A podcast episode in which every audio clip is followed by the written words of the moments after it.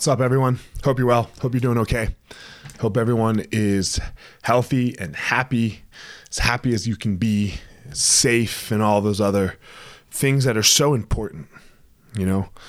But I have a question Did you take a shower today?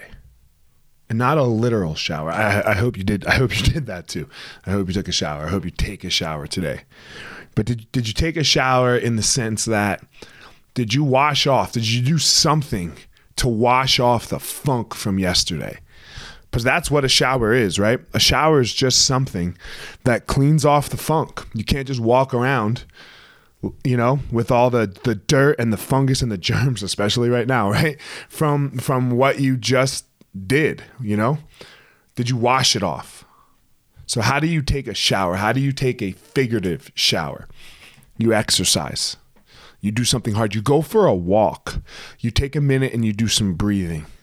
Take 20 minutes, take 10 minutes, and you do some breathing. Something that cleanses not your figurative skin, you know, not not the, not your skin, right? Because this is what we're all talking about, washing our hands.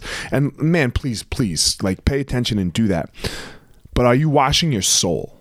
Are you doing some did you do something today to wash your soul?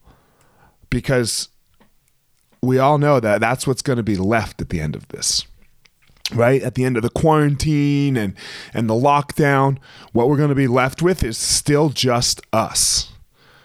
So if you dirtied your soul this whole time then man you're going to have a lot of cleaning to do. You're going to have all of that build up. It's like when you don't take a shower or it's like when you don't brush your teeth for a very long time. You make more problems come right? More problems come, not not in the immediate, but in the long term.